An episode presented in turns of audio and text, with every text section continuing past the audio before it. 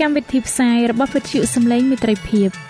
វិទ្យុសំឡេងមេត្រីភាពសូមស្វាគមន៍អស់លោកអ្នកស្ដាប់ទាំងអស់ជាទីមេត្រី នាងខ្ញុំសេកសុចិន្តាវតី ហើយខ្ញុំបាទអង្គច័ន្ទវិជ្ជៈក៏សូមស្វាគមន៍លោកអ្នកស្ដាប់ទាំងអស់ផងដែរនៅពេលនេះយើងខ្ញុំមានសេចក្តីសោមនស្សរីករាយដែលបានវិលមកជួបអស់លោកអ្នកនាងកញ្ញាអ្នកស្ដាប់សាជាថ្មីម្ដងទៀត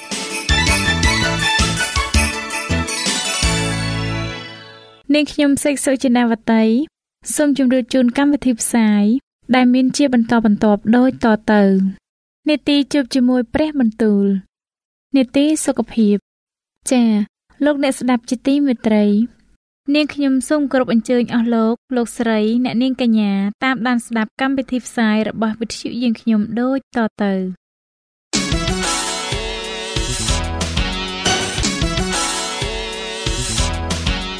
នេតិ ជួបជាមួយព្រះបន្ទូល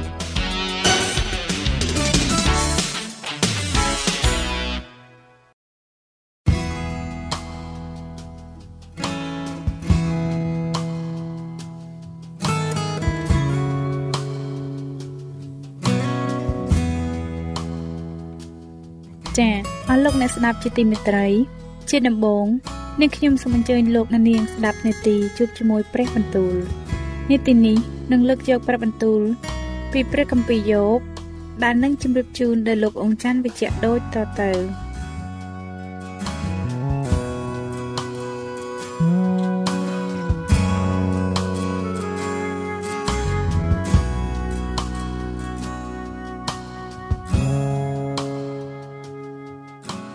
ព្រះគម្ពីរយោបជំពូកទី22នោះអេលីផាសាសធីម៉ានក៏ឆ្លើយឡើងថា តើមនុស្សនឹងមានប្រយោជន៍ដល់ព្រះបានឬទេឯមនុស្សប្រាជ្ញគេមានប្រយោជន៍ចំពោះតែខ្លួនគេប៉ុណ្ណោះបើអ្នកជាមនុស្សសុចរិត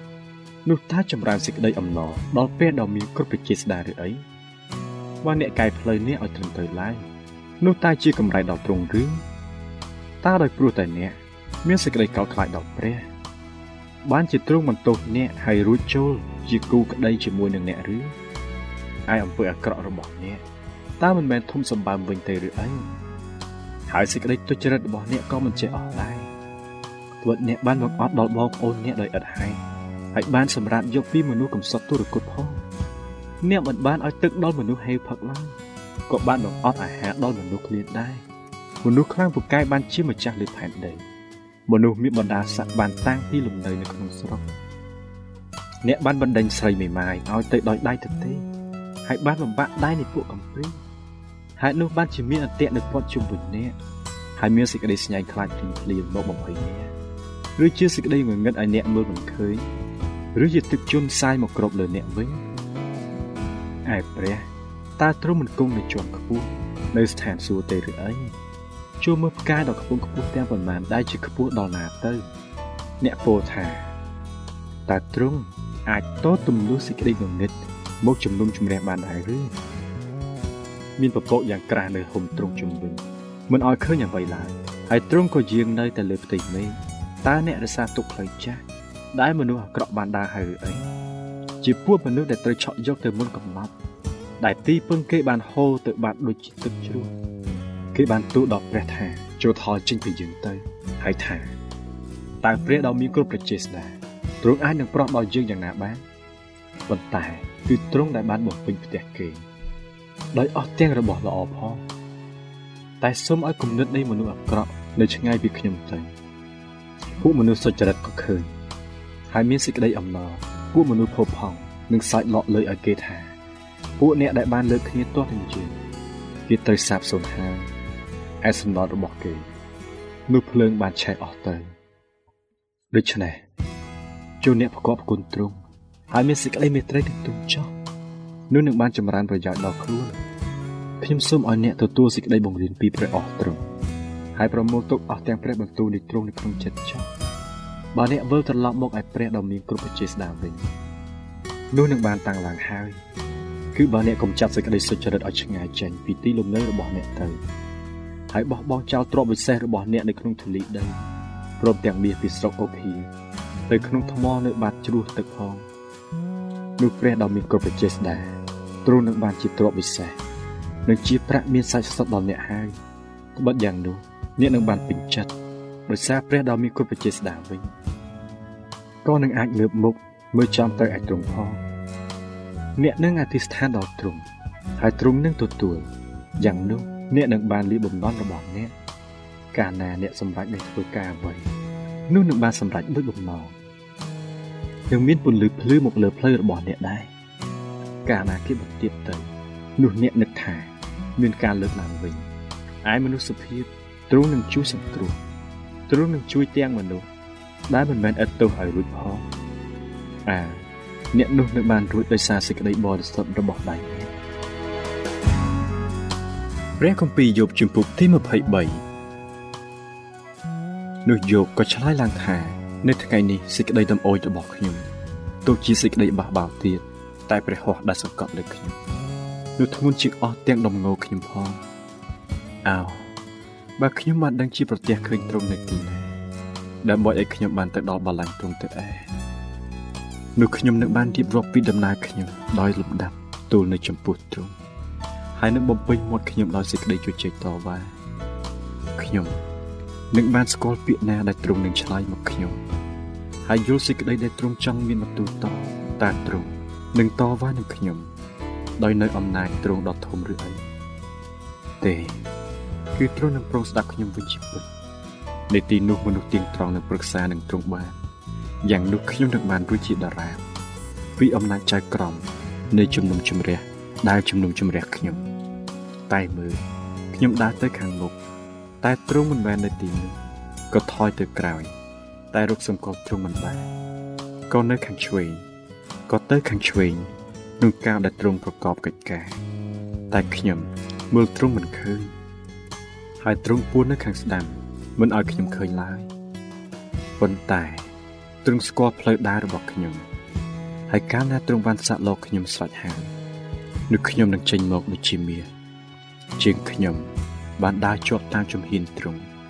ខ្ញុំបានកាន់តាមផ្លូវទ្រង់ ឥតងាកបែរទៅខាងណាឡើយខ្ញុំមិនដែលគេចថយចេញពីបង្គាប់នៃព្រះរឹមទ្រង់ទេខ្ញុំបានខំប្រមូលទុកព្រះបន្ទូលនៃព្រះអស់ទ្រង់ជាជាងអាហារដែលខ្ញុំត្រូវការផងទ្រង់មានគំនិតតែមួយតើអ្នកណានឹងបំផ្លាស់បំប្រែព្រះハរតីទ្រង់បានការអ្វីដែលទ្រង់ចង់ធ្វើនោះក៏ធ្វើទៅបិទទ្រង់ធ្វើសម្រេចសេចក្តីដែលបានតម្រូវទុកសម្រាប់ខ្ញុំហើយមានសេចក្តីយ៉ាងនោះជាច្រើនទៀតនៅនឹងទ្រង់ដែរប៉ុន្តែ ដូច្នេះខ្ញុំក៏ភ័យស្លុតនៅចំពោះទ្រង់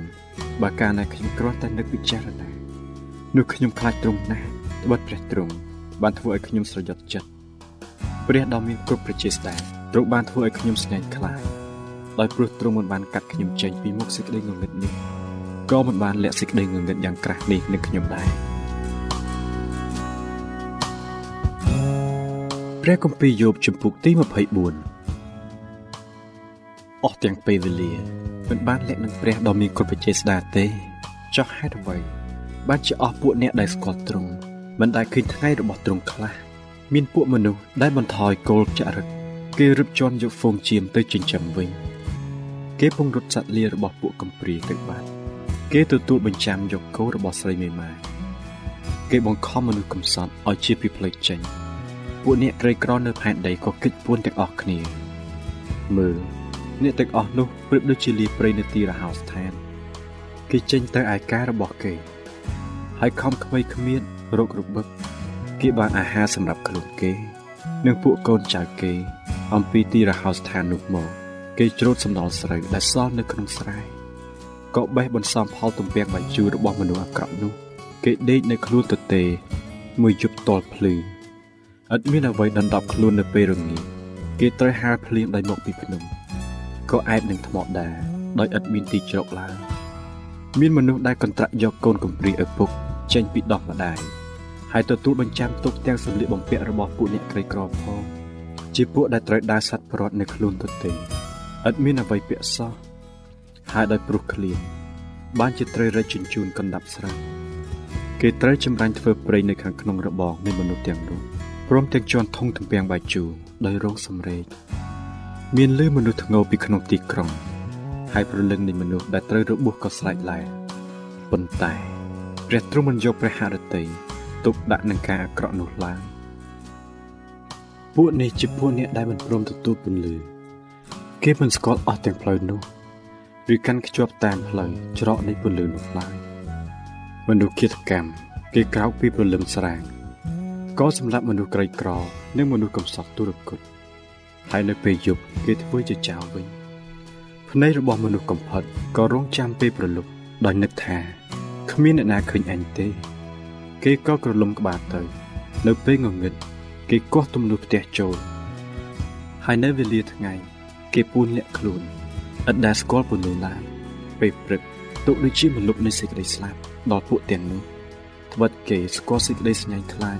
របស់មលុបនៃសេចក្តីស្លាប់នោះហើយ គេអណ្ដែតលើទឹកទៅបាត់យ៉ាងឆាប់ឯចំណែករបស់គេនៅផែនដីនោះមានតែសេចក្តីបណ្ដាសាទេ គេមិនដែលបាយទៅ ចូលតាមផ្លូវចំការទៅពាំងបាយជូរឡើយបែបដូចជាទឹកពីហេមៈរិញហួតទៅដោយរាំងឬហើយក្តៅយ៉ាងណានោះស្ថានឃុំព្រលឹងមនុស្សស្លាប់ក៏ស្រូបមនុស្សមានបាបទៅយ៉ាងនោះដែរផ្ទៃម្ដាយនឹងភ្លេចអ្នកនោះទៅ ហើយដង្កូវនឹងចោះគេដោយឆ្ងាញ់នឹកគ្មានអ្នកណានឹកចាំពីគេតទៅ យ៉ាងនោះសេចក្តីទុច្ចរិតនឹងត្រូវកាត់ផ្តាច់ចេញដូចជាដើមឈើគេចិញ្ចឹមស្រីអាដែលមិនបង្កើតកូនតែឥតមេត្តាដល់ស្រីមេម៉ាយឡើយឯព្រះទ្រង់ធ្វើឲ្យពួកធំធំទាំងនោះមានអាយុវែងដោយសារប្រជាស្ដាទ្រង់ចំណែកពួកអ្នកដែលគ្មានសង្ឃឹមក្នុងជីវិតនេះគេបានឡើងជាធំទ្រង់ប្រទានឲ្យគេបានសេចក្តីសុខហើយគេពឹងពាក់លើសេចក្តីនោះ តែព្រះនេតទ្រង់ទតឃើញអស់ទាំងផ្លូវរបស់គេ គេបានឡើងជាធំ ប៉ុន្តែក្នុងពេលតែមួយផ្លែតទេ គេនឹងបាត់ទៅអាគេត្រូវធ្លាក់ចុះហើយសែងយកទៅដូចជាមនុស្សដតីទាំងអស់គេត្រូវកាត់ចេញដូចជាគួស្រូវតែម្ដងបើមិនមែនដូច្នោះទេនោះតើអ្នកណានឹងហ៊ានថាខ្ញុំកុហកហើយធ្វើឲ្យសម្ដេចខ្ញុំនេះឥតខ្លឹមសារបាន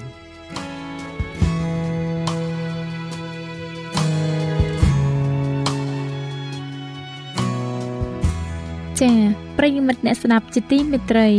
ដោយពេលវេលាមានកំណត់ យើងខ្ញុំសូមផ្អាកនាទីជួបជាមួយព្រះបន្ទូលនេះត្រឹមតែប៉ុណ្ណេះសិនចុះដោយសន្យាថានឹងលើកយកនីតិនេះមកជម្រាបជូនជាបន្តទៀតនៅថ្ងៃស្អែកសូមអរគុណ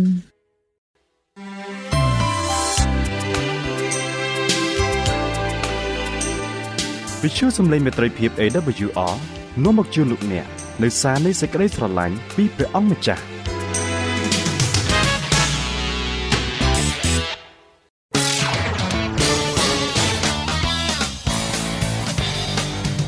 សូមជូននីតិសុខភាព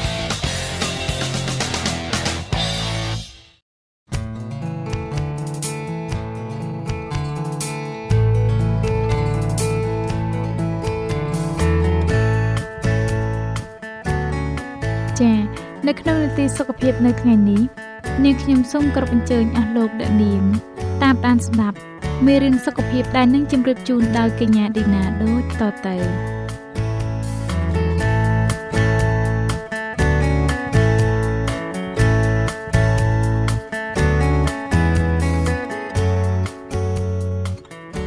ចា៎ខ្ញុំសូមជម្រាបសួរដល់អស់លោកអ្នកស្ដាប់ជាទីមេត្រីសូមឲ្យលោកអ្នកបានប្រកបដោយប្រគុណនិងសេចក្តីសុខសាន្តអំពីព្រះដ៏ជាព្រះវិដានៃយើង ហើយអំពីព្រះអម្ចាស់យេស៊ូវគ្រីស្ទនិងខ្ញុំមានអំណរណាស់ដែលបានវិលមកជួបលោកអ្នកសាជាថ្មីនៅក្នុងនីតិសុខភាពនេះម្ដងទៀតហើយនៅថ្ងៃនេះនាងខ្ញុំសូមលើកយកមេរៀនថ្មីមួយទៀតដែលមានចំណងជើងថាជប៉ុងមកលើជំនួយមកពីព្រះ ចាមនុស្សយើងម្នាក់ម្នាក់មិនអាចរស់នៅដាច់តែឯងឯកោបានទេដាច់ខាតត្រូវតែពឹងពាក់អ្នកជិតខាងឬសាច់ញាតិរបស់ខ្លួនហើយអ្វីដែលអ្នកជិតខាងឬសាច់ញាតិមិនអាចជួយបានដែលវាហួសពីសមត្ថភាពរបស់ពួកគេ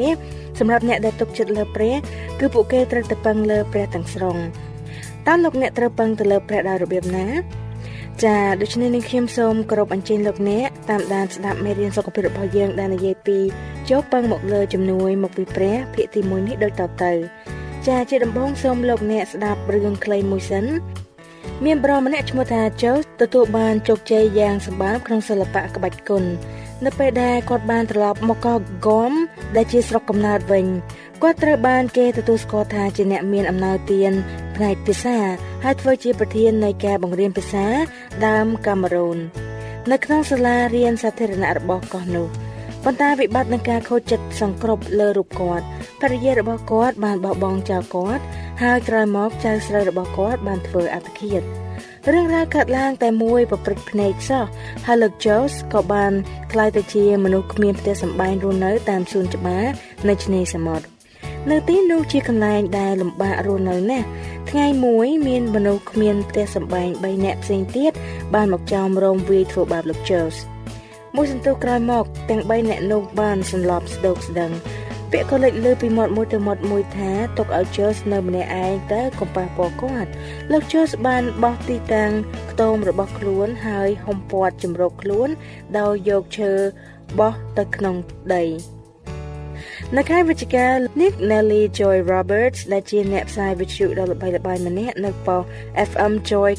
92ដែលជាវិទ្យុគ្រីស្ទៀននៅលើកោះហ្គមបានធ្វើការអង្វរដោយទឹកភ្នែកដល់ក្រុមជំនុំរបស់នាងឲ្យធ្វើអ្វីម្យ៉ាងដើម្បីជួយដល់ជនអនាថាដើម្បីអបអរពិធីបុណ្យអរព្រះគុណដល់ព្រះ នាងក៏សួរថាតើលោកអ្នកនឹងជួយខ្ញុំទេសហគមន៍អ្នកជឿទាំងឡាយបានស្រស់ស្រួលគ្នាជួយនាង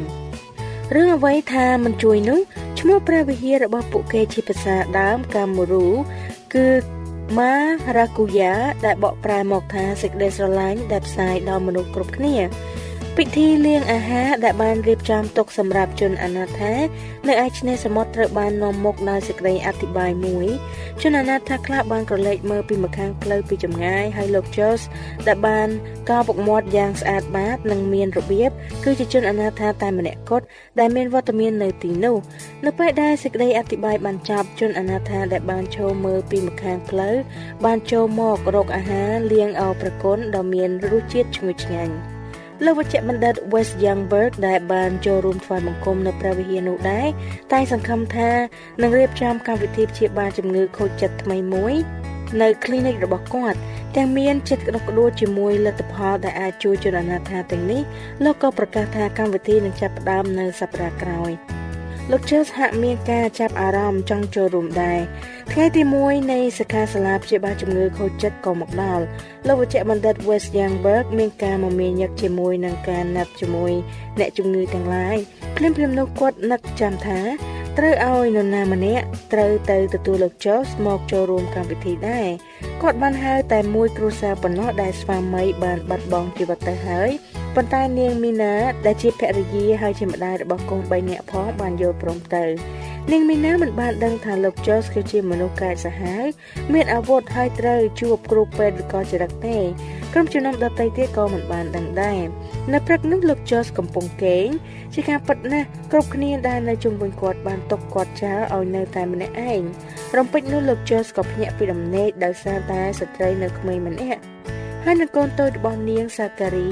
កំពុងក្រឡេកមើលគាត់ពួកគេបានអញ្ជើញគាត់ទៅកាន់កិច្ចប្រជុំហើយផ្ដល់ការដឹកជញ្ជូនឲ្យគាត់លោក Jones មានអំណររីករាយនឹងកិច្ចប្រជុំនោះ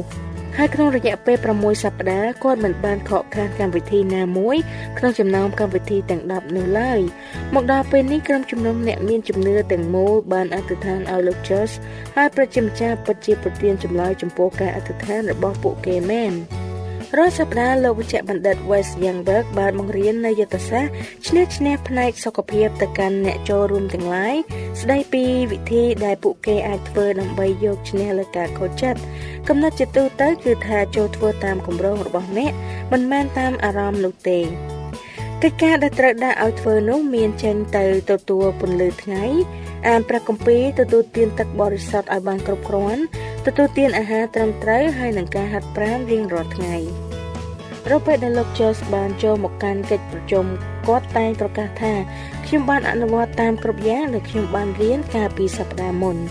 នៅឯសួនជនអនាថាពិធីលៀងអាហារជាទូទៅ មានតែបាយសនិងឆ្អឹងជំនីអាំងហើយនិងស្រាបៀរ ជាការពិតណាស់របស់អស់ទាំងនេះមានតែធ្វើឲ្យខូចខាតរឹតតែធ្ងន់ធ្ងរឡើងទៅវិញទេលោកជឿសក៏ចាប់ផ្ដើមទទួលទានបន្លែផ្លែឈើក្របសណ្ដែកក្របស្វាយចន្ទីនិងក្របធនជាតិផ្សេងផ្សេង គាត់បានប្រកាសយ៉ាងជោគជ័យនៅពេលដែលគាត់មកចូលរួមក្នុងកិច្ចប្រជុំនីមួយៗថាគាត់បានអានព្រះគម្ពីរ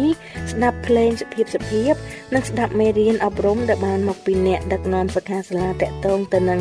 ឧបករណ៍ចាក់ DVD ដែលលោកវិជ្ជបណ្ឌិត West Youngberg បានប្រគល់ឲ្យគ្មាននរណាដឹងថាលោក Jones មានអាវុធទេប៉ុន្តែគណៈដែលលោក Jones កំពុងស្ដាប់ឧបករណ៍ចាក់ DVD ដែលគេបានឲ្យទៅគាត់គាត់បែរជាមានកំហឹង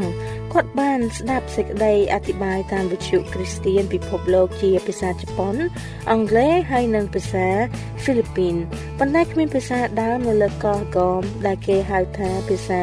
កាំបូរូសោះនៅពេលដែលគាត់រអ៊ូរទាំលោកបច្ចៈបណ្ឌិត Wes Youngberg បានមានប្រសាសន៍ថាលោក Jones នឹងហើយជាកិច្ចការរបស់អ្នកនោះអ្នកជាអ្នកជំនាញស្រាប់ពួកគេទៅតែចាប់ផ្ដើមដឹងថាលោក Jones គឺជាអ្នកជំនាញភាសាកាំបូរូលើសគេទាំងអស់ មួយរយៈក្រោយមកលោក Jones បានចាប់ផ្ដើមកម្មវិធីរបស់គាត់ផ្ទាល់ជាភាសាកាំបូរូនៅវិទ្យុ FM Joy 92ហើយរឿងនេះនាំមកនូវសេចក្តីអំណរជប៉ុនពេកចំពោះពលរដ្ឋចាស់ចាស់នៅលើកោះហ្គមដែលមិនបានរៀនភាសាអង់គ្លេសចេះជ្រៅជ្រះឬជាអ្នកដែលចូលចិត្តស្ដាប់ភាសាកំណើតរបស់ខ្លួនពួកគេមានអំណរខ្លាំងណាស់ហើយលោកជេសក៏ដូច្នោះដែរលោកជេសក៏ចាប់ផ្ដើមចេញបង្រៀនព្រះគម្ពីរអធិដ្ឋានពីរោះពីរោះហើយហៅខ្លួនឯងថាបងប្រុសជេស មួយឆ្នាំកន្លះកន្លងផុតទៅថ្ងៃមួយលោកចូលមកទម្លាយរឿងសម្ងាត់មួយដល់លោកវិជ្ជបណ្ឌិត West Youngberg ថាបងប្រុសថ្ងៃអង្គារដំបូងដែលខ្ញុំទៅចូលរួមសិក្ខាសាលានឹងតាមពិតគឺជាថ្ងៃដែលខ្ញុំសម្រេចចិត្តថានឹងបញ្ចប់អ្វីៗទាំងអស់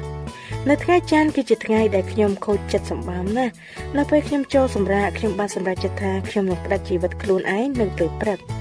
ប៉ុន្តែនៅពេលដែលខ្ញុំភ្ញាក់ឡើងស្រាប់តែឃើញមីណាជាស្ត្រីវ័យក្មេងជាមួយនឹងកូនតូចរបស់នាងដែលមើលទៅដូចជាទេវតាកំពុងសម្លឹងមើលមកខ្ញុំហើយហៅឈ្មោះរបស់ខ្ញុំពួកគេបានសង្គ្រោះជីវិតខ្ញុំពីការធ្វើអត្តឃាតបើសិនមនុស្សអស្ចារ្យពីព្រះវិហារម៉ារ៉ាគូយ៉ាដែលមានន័យថាសេចក្តីស្រឡាញ់ដែលឈោងទៅជួយមិនចូលទៅដល់ខ្ញុំទេម្លេះខ្ញុំច្បាស់ជាទៅជាមួយចៅរបស់ខ្ញុំហើយធ្វើអត្តឃាតបាត់ទៅហើយ លោកជូសក៏ទទួលពិធីបន់ជ្រមុជទឹក ជាសមាជិកក្រុមជំនុំម៉ារ៉ាគូយ៉ាហើយបានក្លាយទៅជាអ្នកជំនួយការបរោះដែលបានបំពោះក្នុងសហគមន៍នៃអ្នកមានជំនឿនោះប្រជាម្ចាស់ទ្រង់បន្តប្រើប្រាស់លោកជូសតាមពិធីដ៏អស្ចារ្យគាត់លែងធ្វើឲ្យស្ត្រីរបស់គាត់ភ័យខ្លាចដោយក្បាច់គុណរបស់គាត់ទៀតហើយតែឥឡូវនេះគាត់កម្ដៅបេះដូងរបស់ពួកគេណែនាំពួកគេឲ្យស្គាល់មិត្តភ័ក្តិ របស់គាត់គឺព្រះយេស៊ូវវិញមនុស្សរាប់ពាន់នាក់បានទទួលប្រពោគណៈពេលអ្នកជំនាញភាសាដ៏មានជោគជ័យរូបនេះបានផ្ដល់ទីបន្ទាល់របស់គាត់នៅតាមវិទ្យុនិងទូរទស្សន៍ទូទាំងកោ Pacific ខាងត្បូងនេះរឿងគ្រប់យ៉ាងបានកើតឡើងដោយសារមានក្រុមសហគមន៍មួយដែលយកចិត្តទុកដាក់ទៅលើជនអនាថាយើងមិនត្រូវមើលស្រាលអំណាចកំណត់ឡើយកំណត់ទាំងនោះអាចបានមកពីព្រះជាម្ចាស់ លោក John Donne ជាអ្នកនិពន្ធកំណាព្យអង់គ្លេសបានសរសេរថាគ្មាននរណាម្នាក់ដូចជាកោះដែលនៅដាច់តែម្នាក់ឯងទេមនុស្សម្នាក់ម្នាក់គឺផ្នែកមួយនៃទ្វីបទាំងមូលជាផ្នែកតូចមួយនៃផ្នែកមានដីធំសេចក្តីស្លាប់របស់អ្នកណាក៏ដោយតែងធ្វើឲ្យខ្ញុំថមថយទៅពីព្រោះខ្ញុំមានសម្ព័ន្ធជាមួយមនុស្សលោកមនុស្សត្រូវការមនុស្សគ្រប់គ្នាត្រូវការគ្នាទៅវិញទៅមក មនុស្សត្រូវបានបង្កើតមកសម្រាប់ចងសម្ព័ន្ធជាសង្គមហើយសុខភាពរបស់ពួកគេនឹងបង្ហាញនូវភាពពេញលេញរបស់ខ្លួនតាមរយៈបណ្ដាញសង្គមវិជ្ជមានពោលគឺបំរើអ្នកដែលត្រូវការជំនួយដោយមិនមានភាពអាត្មានិយមចាសសូមឲ្យលោកអ្នកបានប្រកបដោយ នៅជំនឿសេចក្តីសុខសាន្តព្រមទាំងសេចក្តីស្រឡាញ់មកពីព្រះដ៏ជាព្រះវរបិតាហើយអំពីព្រះអម្ចាស់យេស៊ូវគ្រីស្ទជាព្រះអម្ចាស់នៃយើងរាល់គ្នាអាមែន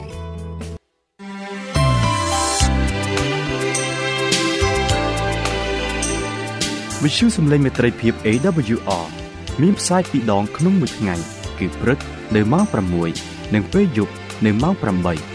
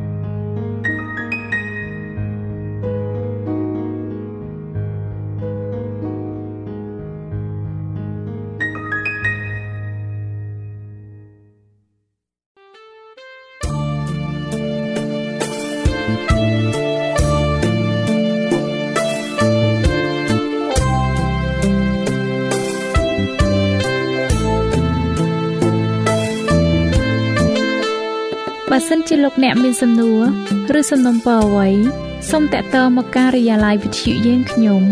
តាមអាស័យដ្ឋានផ្ទះលេខ15ផ្លូវលេខ568សង្កាត់បឹងកក់2ខណ្ឌទួលគោករាជធានីភ្នំពេញលោកអ្នកក៏អាចសរសេរសម្បត្តិផ្ញើមកយើងខ្ញុំតាមរយៈប្រអប់សម្បត្តិលេខ488ភ្នំពេញឬតាមទូរស័ព្ទលេខ012 34 96 64ឬ097 80 81 060ឬក៏តាមរយៈអ៊ីមែល vol@awr.org យើងខ្ញុំរងចាំទទួលស្វាគមន៍អស់លោកអ្នកនាងដោយក្តីសោមនស្សរីករាយហើយលោកអ្នកក៏អាចស្ដាប់កម្មវិធីនេះឡើងវិញដោយចូលទៅកាន់ website របស់វិទ្យុយើងខ្ញុំ តាមរយៈអាស័យដ្ឋាន www.awr.org